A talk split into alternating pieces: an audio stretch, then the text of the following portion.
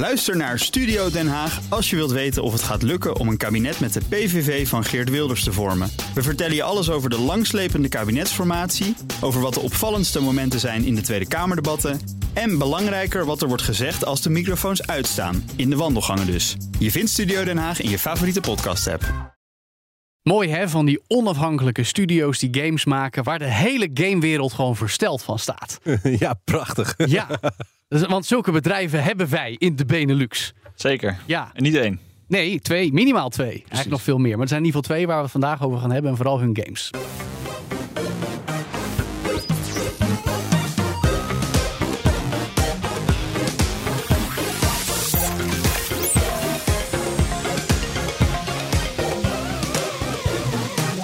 Want dat doen we in deze nieuwe aflevering van All in the Game. Goed dat je luistert naar de podcast over videogames voor iedereen. Delen met je vrienden, abonneer je om op de hoogte te blijven. Dat vinden we fijn. Ditmaal in de studio Daniel Mol.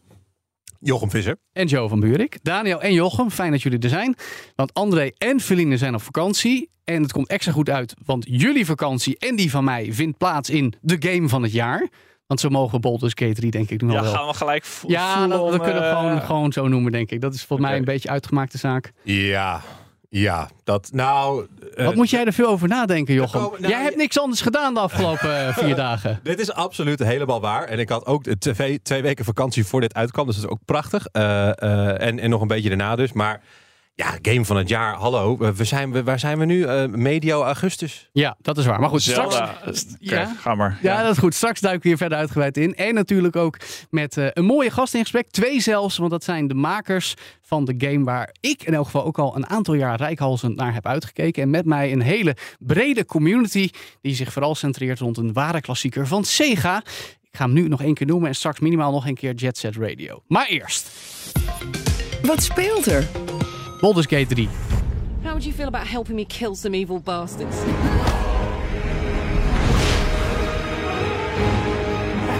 Blackith blesses me this day. Together, we might survive. I'll enjoy. Ja, Baldur's Gate 3. Wat moet je er verder nog over zeggen? Nou Daniel, hoeveel, is hoeveel zeg maar in de afgelopen 72 uur, hoeveel uur heb jij die game gespeeld? Ik denk minimaal de helft. Ik heb eh, iets van 35 uur nu of zo in, Nee, ik eh, bedoel in het. de release. Ja, ehm, ja, het was een wild weekend. ja, Ja. Maar dan wel achter de computer wild. ja. Eh, ja, pff, holy moly, wat een, wat een game. Ik, Ja. ik, ja. Om het even voor de mensen die niet Ja, weten wat Baldur's Gate 3 is, mocht je dat kunnen weten. Want toegegeven, hij is nu alleen nog op de PC. Hij komt in september ook op de PlayStation en ergens volgend jaar naar de Xbox. Het is eigenlijk de ultieme avonturengame, gebaseerd op het systeem van Dungeons and Dragons, waar vooral Jochem en ik heel bekend mee zijn en waar we het ook wel eens over gehad hebben in deze Ah, podcast. Daniel doet alsof je het niet kent. Maar ja, Daniel is een soort nep-nerd wat dat betreft, maar we krijgen hem wel een keer zover. Klopt. Eh, nee, maar dus een, een systeem waarbij je personage maakt en, en eigenlijk alles kan doen wat je wil, van praten tot aanvallen tot mm, seks hebben met beren zelfs, notabene. En je je noemt wil. het bijna een roleplaying game, hè? D- dat is het. Maar, Ja. dan wel, maar dan wel op zo'n niveau dat dus heel veel gamemakers op social media hun onvrede uit over het feit dat er opeens de ultieme game is waarin je alles kan doen wat je wil. Nou, daar zeg je wat. Want eh, het, is, het is inderdaad weer een zoveelste roleplaying game. Maar het is echt een, eh, een kleine evolutie in het genre wel. En het doet bepaalde dingen ehm, die ik heel belangrijk vind. En je kent allemaal dat gevoel een RPG van... oh, ik probeer ook die andere conversatieoptie even. Of, eh, oh ja, toch even zeven, want ik weet niet wat het gevolg gaat zijn. En misschien zou mijn character in mijn hoofd dat wel niet gedaan hebben. Dus dan wil ik wel even kunnen quick save en quick loaden. Ja. Nou, in Baldur's Gate heb ik voor het eerst in jaren... ik kan me de vorige keer niet eens herinneren...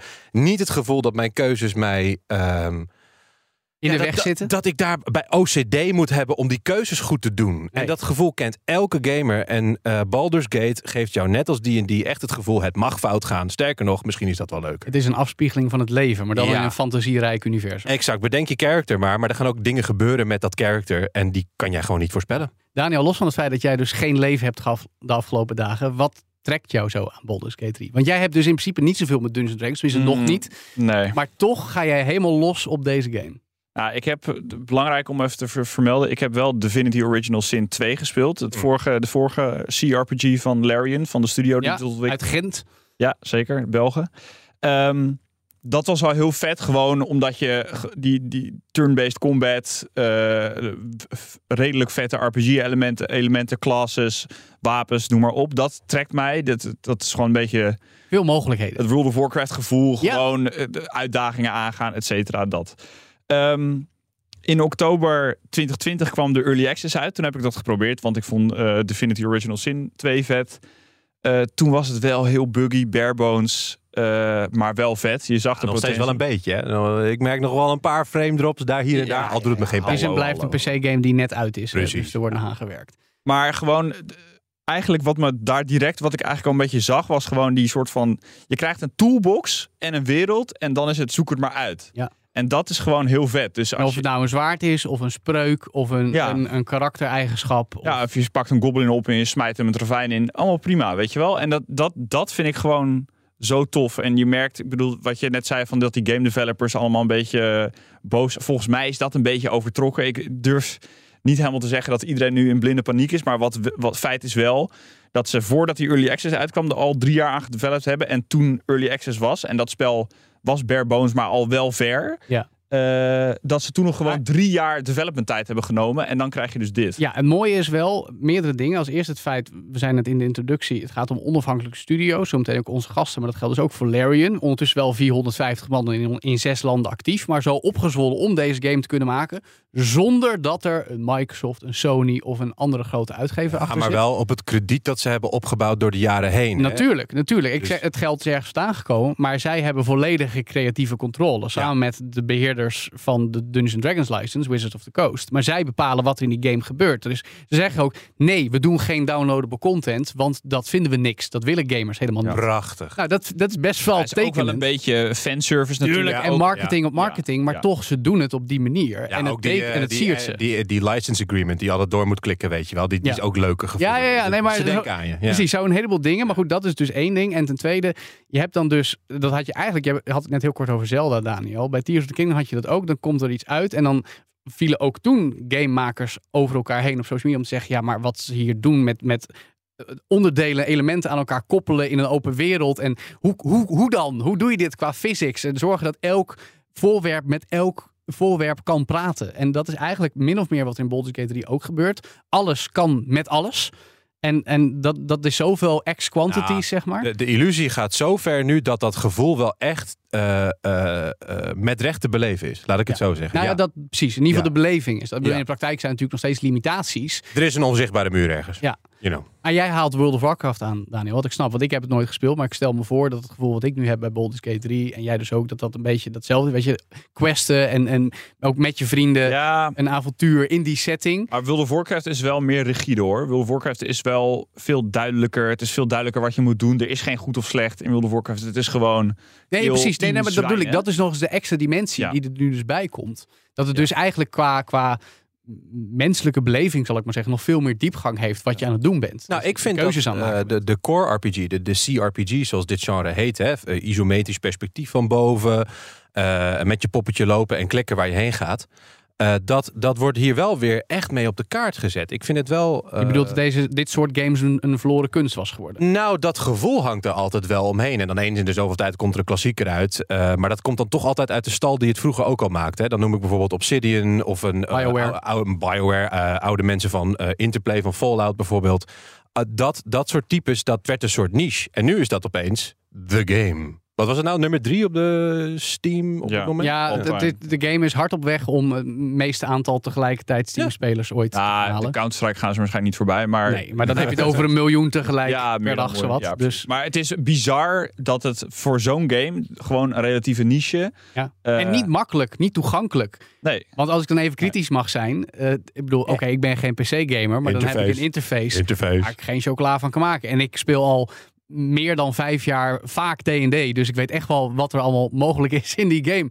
Maar om het dan terug te vinden in Baldur's Gate 3, dan ben ik wel even aan het zoeken. ja, ik voorspel ook wel dat er heel veel mensen zeg maar aangehaakt zijn door de je kan seks hebben met beren video en dat het Oh, dat was zo'n slimme viral stunt, ja, hè? super super slim Om die En videoclip alvast Ik bedoel, te dat laten is ook gewoon, het is oprecht ook, dat kan ook gewoon in de game. En er kunnen nog veel meer dingen zoals dat. Gewoon weirde shit in die game. Nou, ik heb nog nooit een geslachtsdeel gekozen bij de character creation. Eh, Cyberpunk. Ja, vet. ja, ja, oh ja, oh ja, maar dat is die game It's die jij done. wel speelt. Ja, ja. Ja, nee, precies. Nee, maar, Maar- dat, ja. Het- dat, ik denk dat er nog wel wat mensen gaan afhaken die toch denken, nou, dit is niet helemaal voor mij. Want, eh, weet je, ik, ik kan me voorstellen dat je een turn-based CRPG combat, ja, het is niet het meest spectaculaire ooit.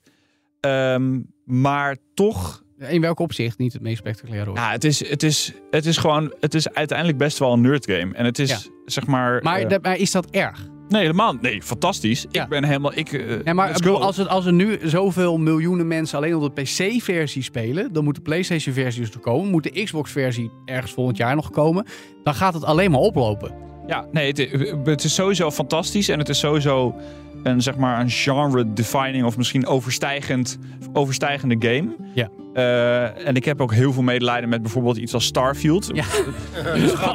Begin september ja. ook een belofte van een Ja. on- eh, on- on- oneindig universum en dingen die je daar kan doen. En dan weet je nu al dat de, de mechanics gaan limiterend voelen, Ja. omdat Ja, je niet en zoveel... Het is natuurlijk gewoon, dat is eh, vergelijken met Baldur's Gate, is dat natuurlijk een RPG light. Eh, Wel een hele en, grote. En, en Larian heeft best wel slim. eh, ik denk dat de, de game was gewoon af waarschijnlijk. En toen hebben ze hem een maand naar voren gehaald. Ja. Om niet tegelijk met Starfield te zitten. Ja, super slim. Maar ik denk, ja, ik- ik kan, niet, ik kan me niet aan de indruk onttrekken dat toch al wat mensen ook weer gaan afhaken. Dat dit toch niet helemaal voor, voor hen was.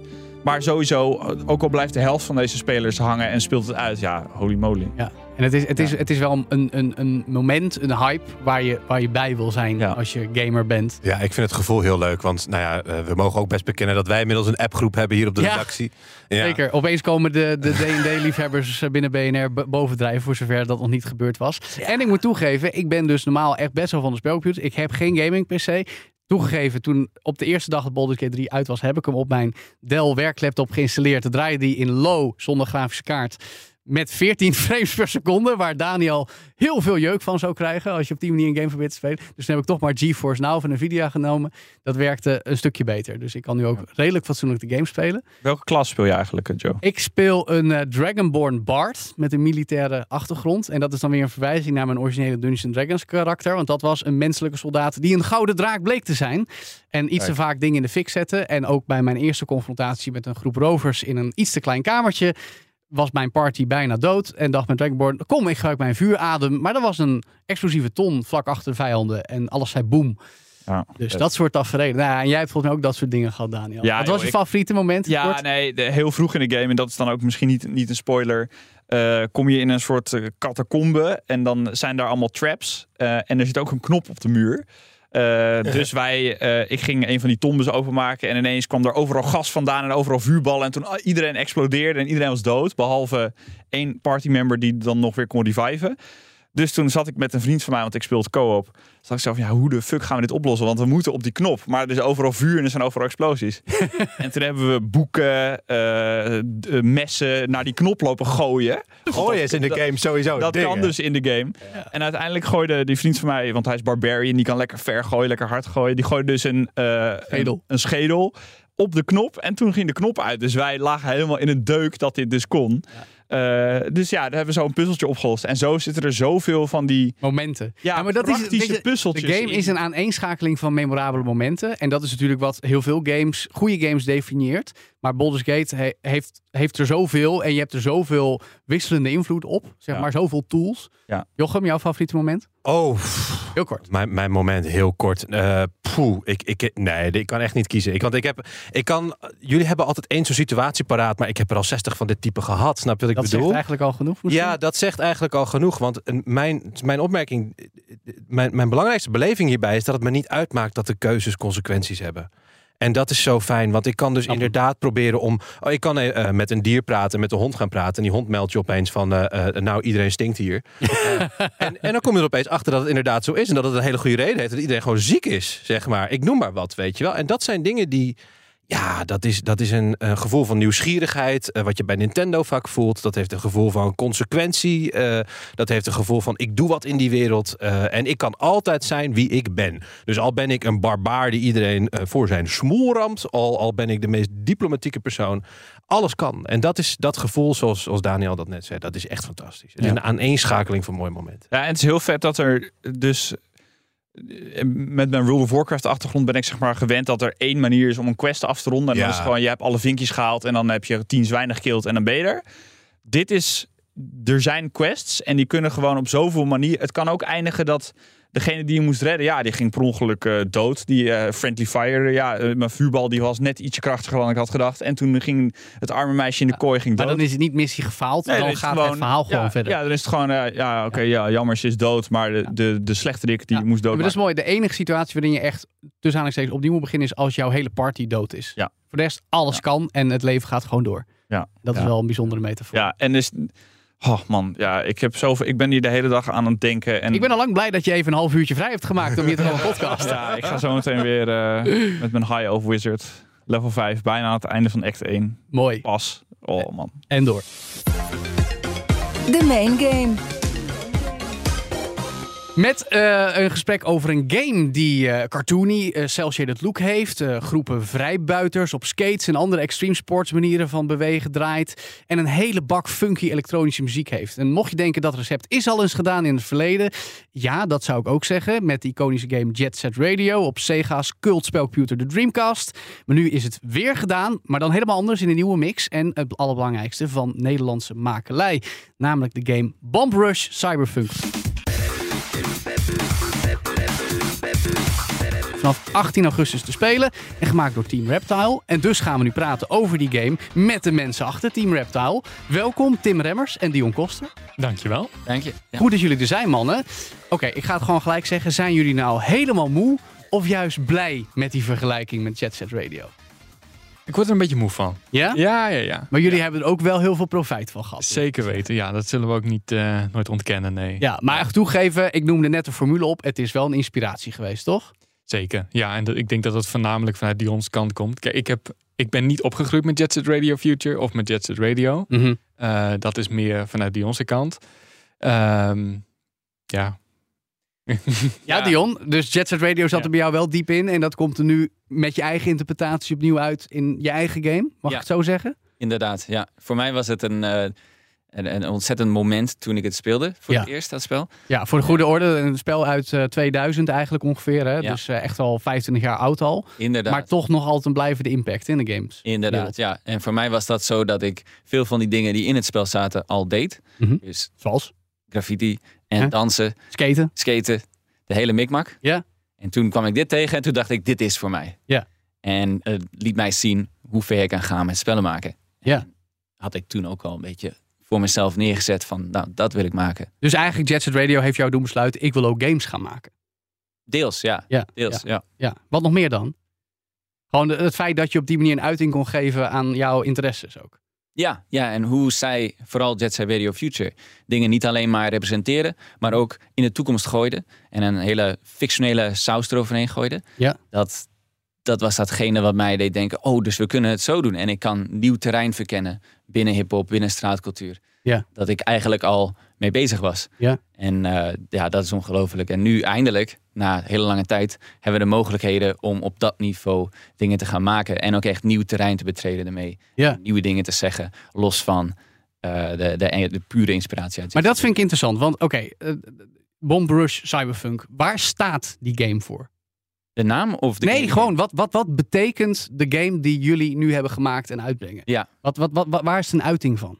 Ik zou zeggen, het is een uiting van de mix tussen straatcultuur en technologie. Oké, De het verhaal die we erin hebben is ook iets wat, eh, wat daartoe spreekt. speelt zich af in Nieuw-Amsterdam, kunnen we er gelijk bij zeggen, Inderdaad, het speelt zich af in Nieuw-Amsterdam. En er zit architectuur in van Nederlandse bodem. Eh, er zit... Zoals, noem eens een voorbeeld, Prinsengracht of zo, weet ik veel. eh, de, Rijksmuseum, de architectuur- BNR-studio. Bijna wel, bijna wel. Het zou kunnen.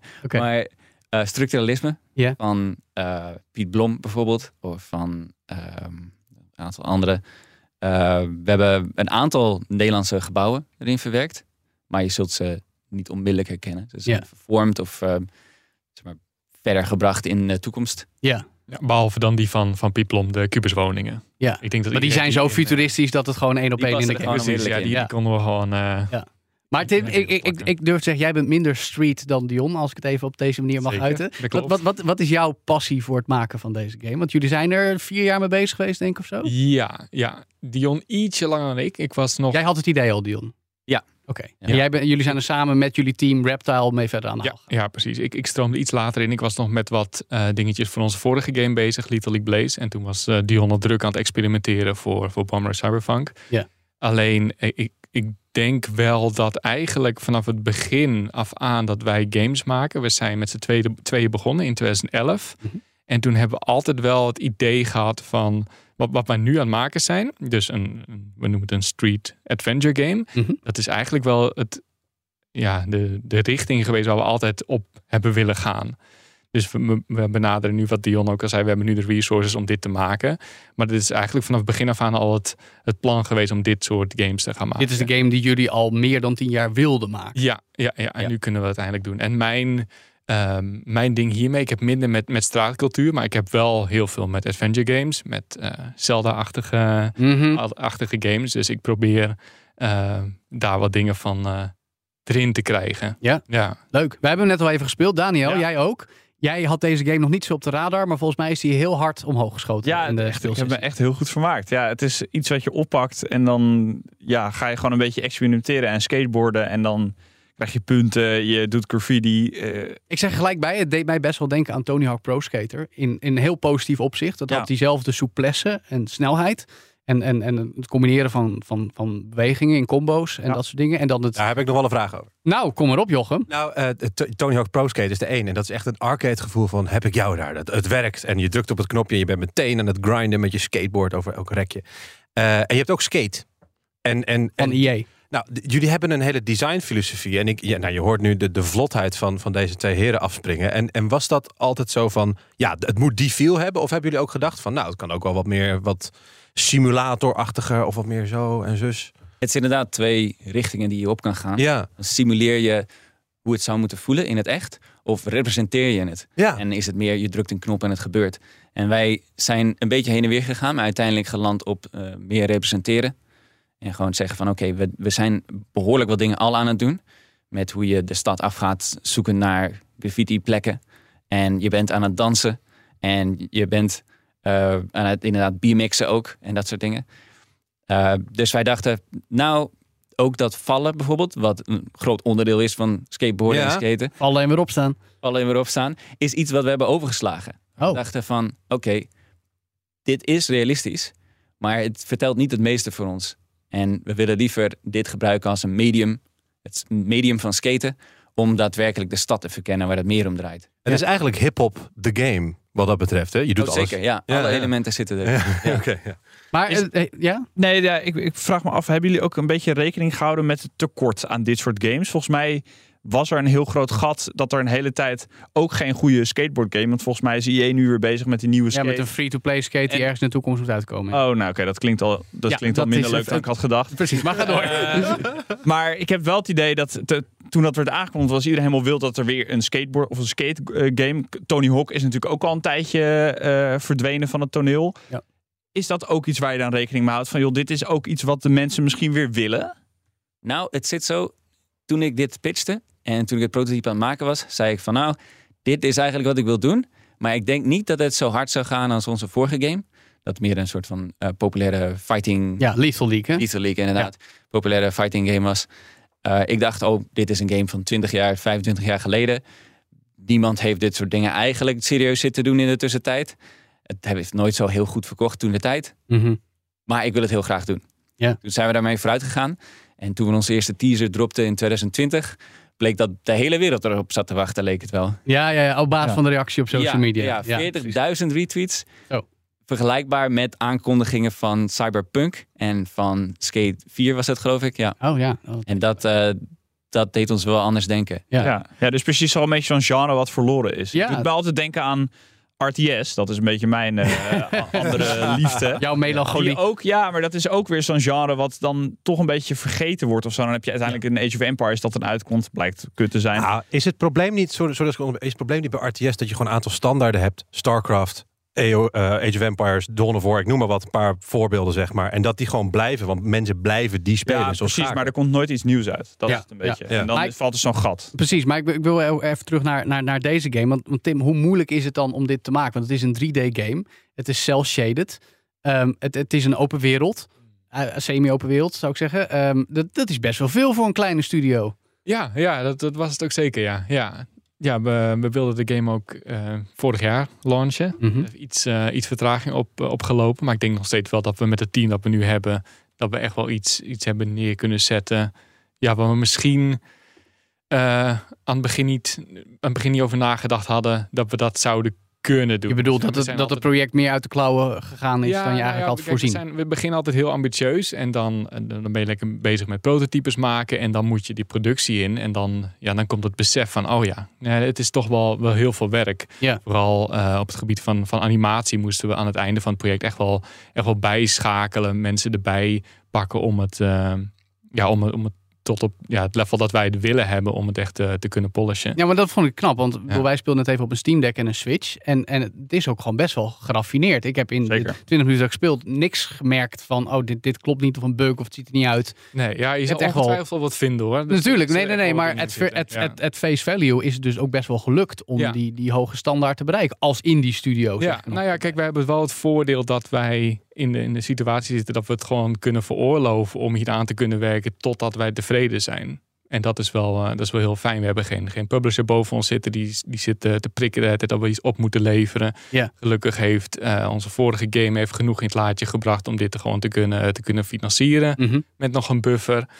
Ehm, dus ja, dat is gewoon een hele fijne situatie om in te werken. Om aan een creatief product überhaupt te werken zonder druk van bovenaf. Ja. Ja. Ja, nou moet ik zeggen dat de meer abstractere stijl die we gebruiken ook wel heeft meegeholpen. De met- cel-shaded esthetiek bedoel je? Inderdaad. Of, ja. eh, of gewoon überhaupt de hip-hop die er vanaf druipt. En ook in de muziek natuurlijk. Maar nou, daar wil ik zo nog even over hebben. Ja, ja, ja maar ga door, Dion. er zit inderdaad een mentaliteit achter. Wat ik vaak ook met mijn vrienden noem stees. Mhm. Style with ease. Ja. In dat hoe je moeiteloosheid kan omschakelen naar iets wat heel stijlvol is. Ja. En veel van onze graphics, veel van hoe wij dingen aanpakken, wat we erin stoppen, is eigenlijk, komt over als, als misschien zelfs een beetje lui, maar moeiteloos. En op die manier creëer stijl met de bonus dat het minder werk kost. Want Ja. het is natuurlijk geen realistisch spel. We hebben geen eh, ingewikkelde facial eh, animaties of Ja. dat soort dingen. Dus Nee, dat snap ik. Maar, maar eh, we zijn hier bij Business News Radio. Dit Ja. klinkt als de, de, de natte droom van elke ondernemer die denkt: wacht eens even. Minimale middelen, maximale creatieve output. Ja. Sign me up. Weet je wel? Wat, wat, wat, wat is dat puur iets wat je als creative zo kan doen? Omdat je vanuit creatieve gedachten werkt en met beperkingen te maken hebt, namelijk een klein team. En je moet toch een grote game eruit rammen. Want de, de- deze aanpak kun je niet in elke situatie zomaar Nee. toepassen. Nee, ik denk dat het uniek is ook voor straatcultuur en hip-hop om het zo'n manier aan te pakken. Ja. Dus ja, om, om ehm, eh, heel erg zelfvertrouwend over te komen, door juist niet zo heel veel moeite te doen om mensen te servicen. Ja. Want daar hebben we dus een beetje de, ja, de hekel aan om, om eh, mensen gewoon maar te, eh, te bedienen. Ja. En wij zijn meer van nee, wij doen de uiting. Ja. En jullie mogen er naar luisteren, hoeft Ja. niet eens. Ja. En blijft heel erg bij jezelf. ja, inderdaad. En des te meer je gaat denken van ik ben jou aan het bedienen, des te meer je gaat realistischere graphics erin stoppen, des te meer je gaat ehm, ja, eh, com- eh, compromissen gaat geven aan mensen. Ja. Ja, En dat is bijna een vorm van onzekerheid in dat geval. Inderdaad, Ja. ja. Zo Ja, komt maar het dat- een beetje over. Maar dat vind ik interessant, want ik, ik zei ook toen we elkaar hiervoor even spraken eh, voor de opname. Jullie hebben eigenlijk alleen maar trailers laten zien. Er is nog niemand die early access heeft gehad. Er is geen creators op social media of YouTube die de game al gespeeld hebben. Echt alleen maar kleine stukjes van de game laten zien die je wilde laten zien. En dat, dat getuigt ook van een bepaald zelfvertrouwen en, en, en nou, e- eigen keuze zou ik dan zeggen. Maar dat is ook een zakelijke beslissing. Ik denk, nou, het is tegenwoordig gemeengoed voor 8, 9 procent van de games om al zoveel marketing in het voortraject te doen dat we van alles van de game al weten. Ja, Is Ja. dat, dat is wel een risico. Dat is ook weer die onzekerheid, wat mij betreft, die jullie net heel terecht benoemen. Ja, ja, ik denk het ook. Ja, en ja, het, het is ook heel vanzelf, vanzelfsprekend geworden om eh, dingen te, te reviewen. En ik, ik zeg altijd, ik, het maakt mij niet zo heel veel uit wie het reviewt of wie het laat zien op het platform, als ze er maar gewoon oprecht lol in hebben. Kijk, als ik een, een gratis versie van de game aan iemand geef, die gaat er een uurtje mee spelen, maar die is niet oprecht, die heeft niet oprecht plezier met de game. Ja, wat, wat heb ik er dan aan? Dan, dan gaan de mensen die die, eh, die persoon kijken, die gaan ook niet enthousiast zijn over de game. Dus dan is het gewoon ja, een beetje een waste van, van voor, voor iedereen zijn tijd. Ja, Ja. Dus ja. ja. snap ik. Daniel, heb je een negatieve review gekregen? nou ja, de game is er nog niet, dus eh, dat gaan we nog ik merken. vond het wel moeilijk weg te leggen hoor. Ik zat lekker, eh, Ja, nee, ik zat lekker tutorialtjes te spelen. Ik ik ben heel benieuwd, eh, zeg maar, de straatcultuur druipt echt van die game af. Hoe zorg je ervoor dat dat authentiek is? Dat zit hem natuurlijk, dat zit hem in dialoog, muziek, visuals. Dat is best wel lastig lijkt me, want heel hit or miss kan ik me voorstellen. Want als je net ernaast zit, dan is het nep en fake, dan voelt het fake, weet je wel? Inderdaad, ja. Er zijn twee manieren om dat te doen. En de ene is gewoon met enorm veel respect en research erin te duiken. Dat zie je dan wel eens. Eh, en de andere is daadwerkelijk zelf daarin betrokken zijn. En gewoon daar vandaan komen. En je eigenlijk, je weet niet eens anders. Dat is de beste Ja. vorm daarvan. En voor mij kan ik zeggen dat het daaruit komt. Ik ben vanaf 13 jaar oud al aan het breakdansen. Ik doe Ja, jij hebt dezelfde bewegingen voor deze ik game zelf ingescand, toch? motion capture gedaan. En ik, ik zit in het, spel, in het spel te dansen. En daarom ook dat van... Stel je zit voor, thuis voor de spiegel te dansen. Daar gaat ook niemand overheen zeggen van... Oh, dat vind ik niet goed. Dit uh, bewegingje was niet goed. Het is meer dat wij gewoon echt helemaal volop ervan genieten om onszelf te uiten. En dat hoeft helemaal niet beoordeeld te worden eigenlijk. Ja. Ja. Wat ik ook interessant vind, ik ga toch weer even Jet Set Radio erbij noemen, maar dan vanwege de composer, Hideki Naganuma, ook een eigenlijk cultlegende als het gaat om hip-hop muziek, om het zo te zeggen. Die heeft ook muziek voor jullie gemaakt.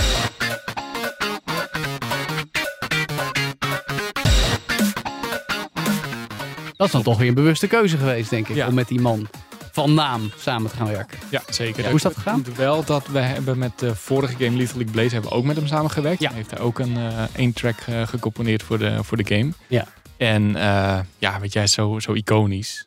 En Ja, maar dan- dan- gewoon hele vette muziek die hij maakt. Natuurlijk, dat vind Ja. ik ook. Ik luister het graag tijdens het werk, ook niet alleen Ja. als ik aan het gamen. Maar dan krijg je toch ook weer die link met de game. Maar dat Klopt. wil je dan dus toch ook weer een beetje. Klopt, ja. Maar wel op een, op een, ja, op een andere manier. Want hij heeft bijvoorbeeld ook ehm, eh, muziek gecomponeerd voor een andere, andere game, Hover. Die Ja. een klein beetje dezelfde kant op ging, maar meer de, ja, meer de neonachtige achtige looks. Ja. En ook, de, muziek is, niet, is geen Hideki-muziek geworden, terwijl hij het wel gecomponeerd heeft. En we hebben wel geprobeerd om het eh, ja, uniek bij de game te laten passen door de direction die jij daar aan hebt gegeven.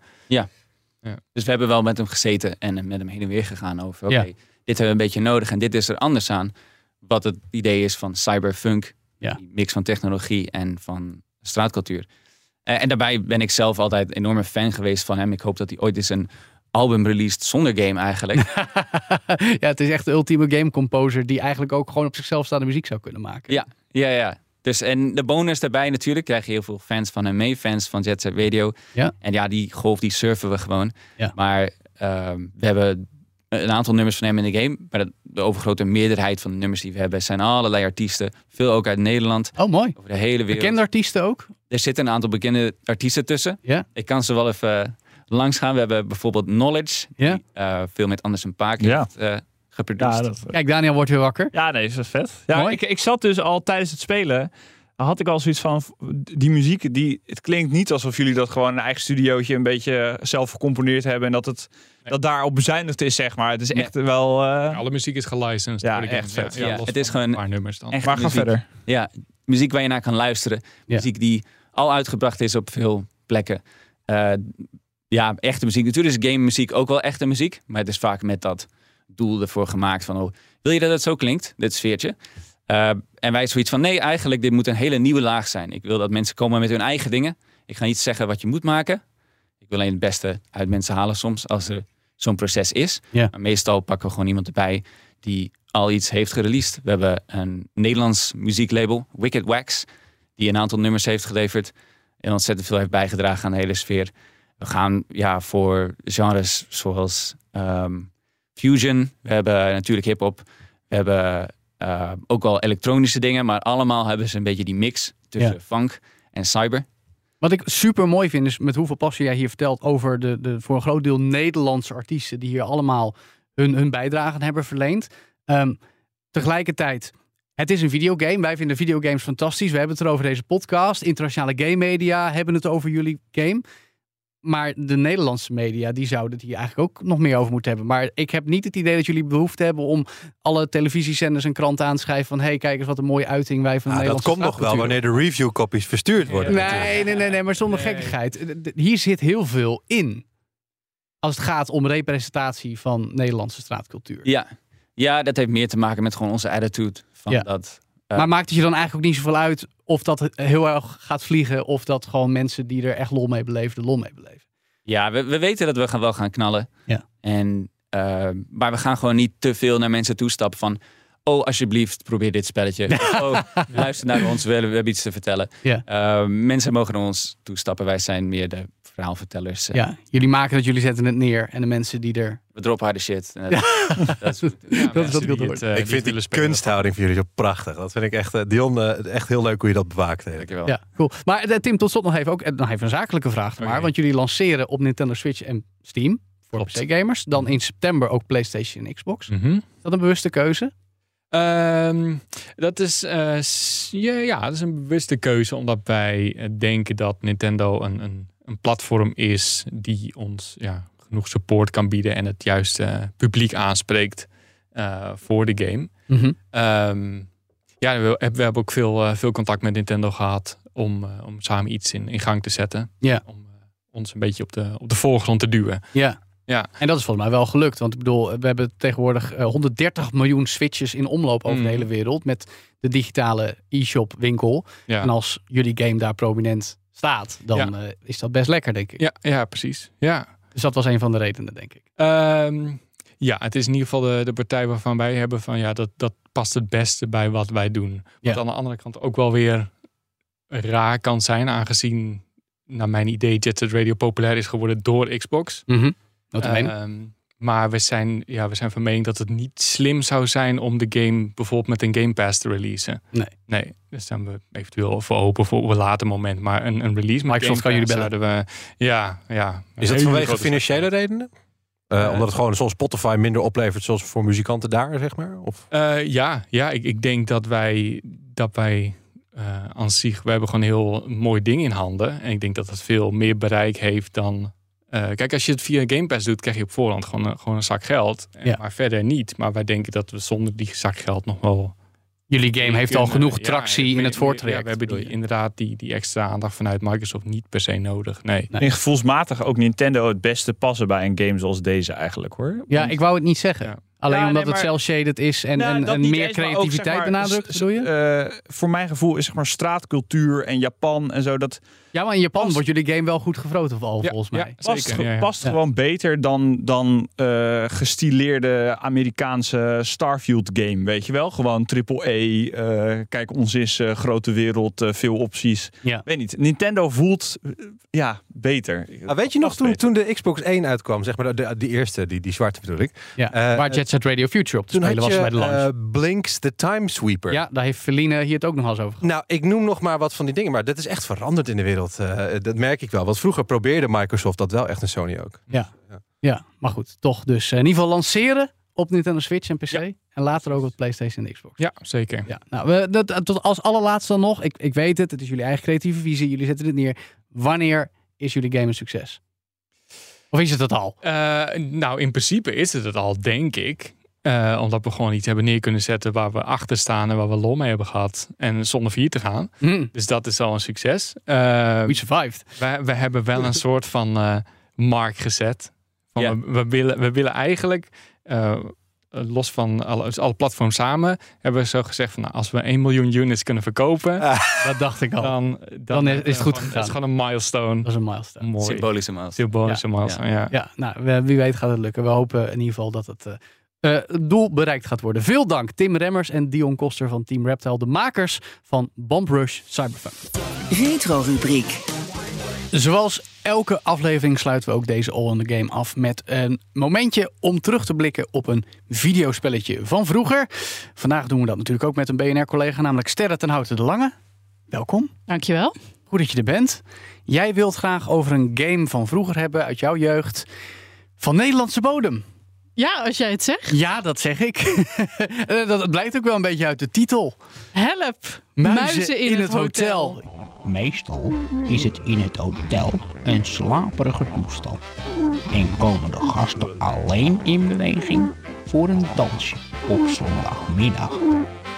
Maar deze zondag komt het grote groene muizenorkest spelen. Het ziet ook gewoon Nederlands uit. Ik heb het even opgezocht, het artwork. Het is gewoon met de hand getekend. Een avonturenspelletje voor kinderen. Wat deed je daarin? Ja, dat was heerlijk. Eh, mijn ouders die eh, waren gescheiden. Mhm. En ehm, eh, alle twee mijn ouders houden, houden nou, op hun eigen manier van spelletjes. Dus bij mijn vader mochten we dan in zijn werkkamer op zijn computer... mochten we, ik denk een half uurtje per dag... eh, eh, ja, het muizenhotel, zoals wij dat noemden, eh, spelen. Ja. Ja, dus eh, volgens mij zijn het allemaal kamers eh, waarin, je, eh, ja, waarin een scène zich afspeelt. Met Ehm, muizen? Nee, zonder muizen. Oh, dus je ziet de muis niet. Dus je moet op allerlei voorwerpen in de kamer klikken. Mhm. En als, je, als, er, als de muis in de buurt is, dan wordt de cursor wordt een, ja, wordt een soort schiet. ja, ja, een, een, een, een, een- ja, ja, ik snap je. Een kruisje Ja. Ja, ja. Met, een, met een bolletje erin, zodat je hem kunt pakken. Oké. Maar de muis rent weg, dus die kan ook ergens anders weer achter eh, eh, verdwijnen. Oh jee. En dan moet je hem bij de staart pakken en dan komt er een, eh, een, een, een bello of een, hoe heet dat? Een, Ja, een, een, piccolo. Een, een piccolo, ja. ja. die komt hem halen met een netje. En dan Mhm. gaat hij, als je de muis hebt, dan gaat hij een eh, instrument uitkiezen. En eh, uiteindelijk vormt alle, vormen alle muizen bij elkaar een big band. Dus je moet de big band aan muizen. Wat klinkt dit als je het zo beschrijft als een waanzinnig hallucinante ervaring? Ja, het is echt, dat is echt heerlijk. Ook Ja. omdat als je de muis hebt, dan eh, ontvouwt zich nog een hele scène. Dus eh, er is een dame die in een tasje zit te grabbelen. En, eh, en die valt dan over alle knikkers die uit haar tasje komen. Of er is een, zit een paard in een kast en die komt er Tuurlijk. dan uit. Eh, nou ja, goed. Ja, Leuk. het was, het was helemaal heerlijk. Ik, het is geweldig. Ik, het leuke vind ik, dit, dit is dus van, van Nederlandse bodem, midden jaren negentig.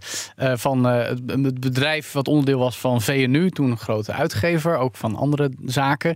Ehm, en als je nu op met dus de titel Help Muis in het Hotel zoekt, dan kun je nog wat archiefpagina's tegen. Maar het staat ook gewoon op TikTok. Er zijn dus gewoon mensen die dit spel nog aan de praat krijgen en daar dan fragmenten van delen op moderne social media. Ja, precies. Dus dat, zijn ja, dat zijn dan denk ik de zeg maar oudere gebruikers van TikTok die hier nog, Misschien. nou, net als ik, Of, of nostalgische kinderen gevoelens van kinderen, eh, weet je Ja, al. dat kan die, die natuurlijk ook. denken, hey. Maar goed, wat, wat, is, wat is nou je meest bijzondere herinnering aan dat je dat spel speelt? Los van wat je, hoe je de, de spelopzet net beschreef. Eh, nou, ik vond, ik vond het echt leuk om, naar de, om die kamers te zien. En, die, en, de, en ja, de, de tekeningen die erin zijn. Ook al is het een beetje groggy. Het is wel, ja, ik weet niet, het had, had wel veel leven. Maar wat, wat nog wel grappig is, is dat eh, er is één kamer of het is een stal of zoiets dergelijks. En daar hing een, een kip die je kon winnen. Ja, Mhm. het wordt inderdaad, als je het beschrijft, best wel eh, absurd. nou. Ehm, maar die kip, als je daarop klikte, want er waren ook heel veel, eh, heel veel goede sound effects en zo. Mhm. Als je daarop klikte, dan eh, vertelde die de enige mop die ik nog weet. nou, Eh, waarom steekt een kip schuin de straat over? omdat hij niet rechtdoor kan vliegen? Nee, om aan de overkant te komen. Natuurlijk. nou, daar eindigen we dan weer mee. Dankjewel in elk geval voor deze anekdote over help muizen in het hotel van Sterren ten Houten de Lange. Dankjewel. Goed dat je weer luistert naar All in the Game. Vertel je vrienden over deze podcast. Beoordeel ons op je favoriete podcastplatform. En vergeet niet om lekker te gamen. Bijvoorbeeld eh Bomper Cyberpunk vanaf 18 augustus. Of Baldur's Gate 3, want wij moeten weer terug naar onze pc's. Ja, met gevaar, eh, met de waarschuwing vooraf. Ja. Dat Ja, je, begin maar bij Bomber Cyberpunk. Ja, ja, ja, ja, ja, ja, dat klopt. En dan tussendoor even. Nee, eh, tot de volgende All in the Game. Als we tijd hebben na Baldur's Gate 3.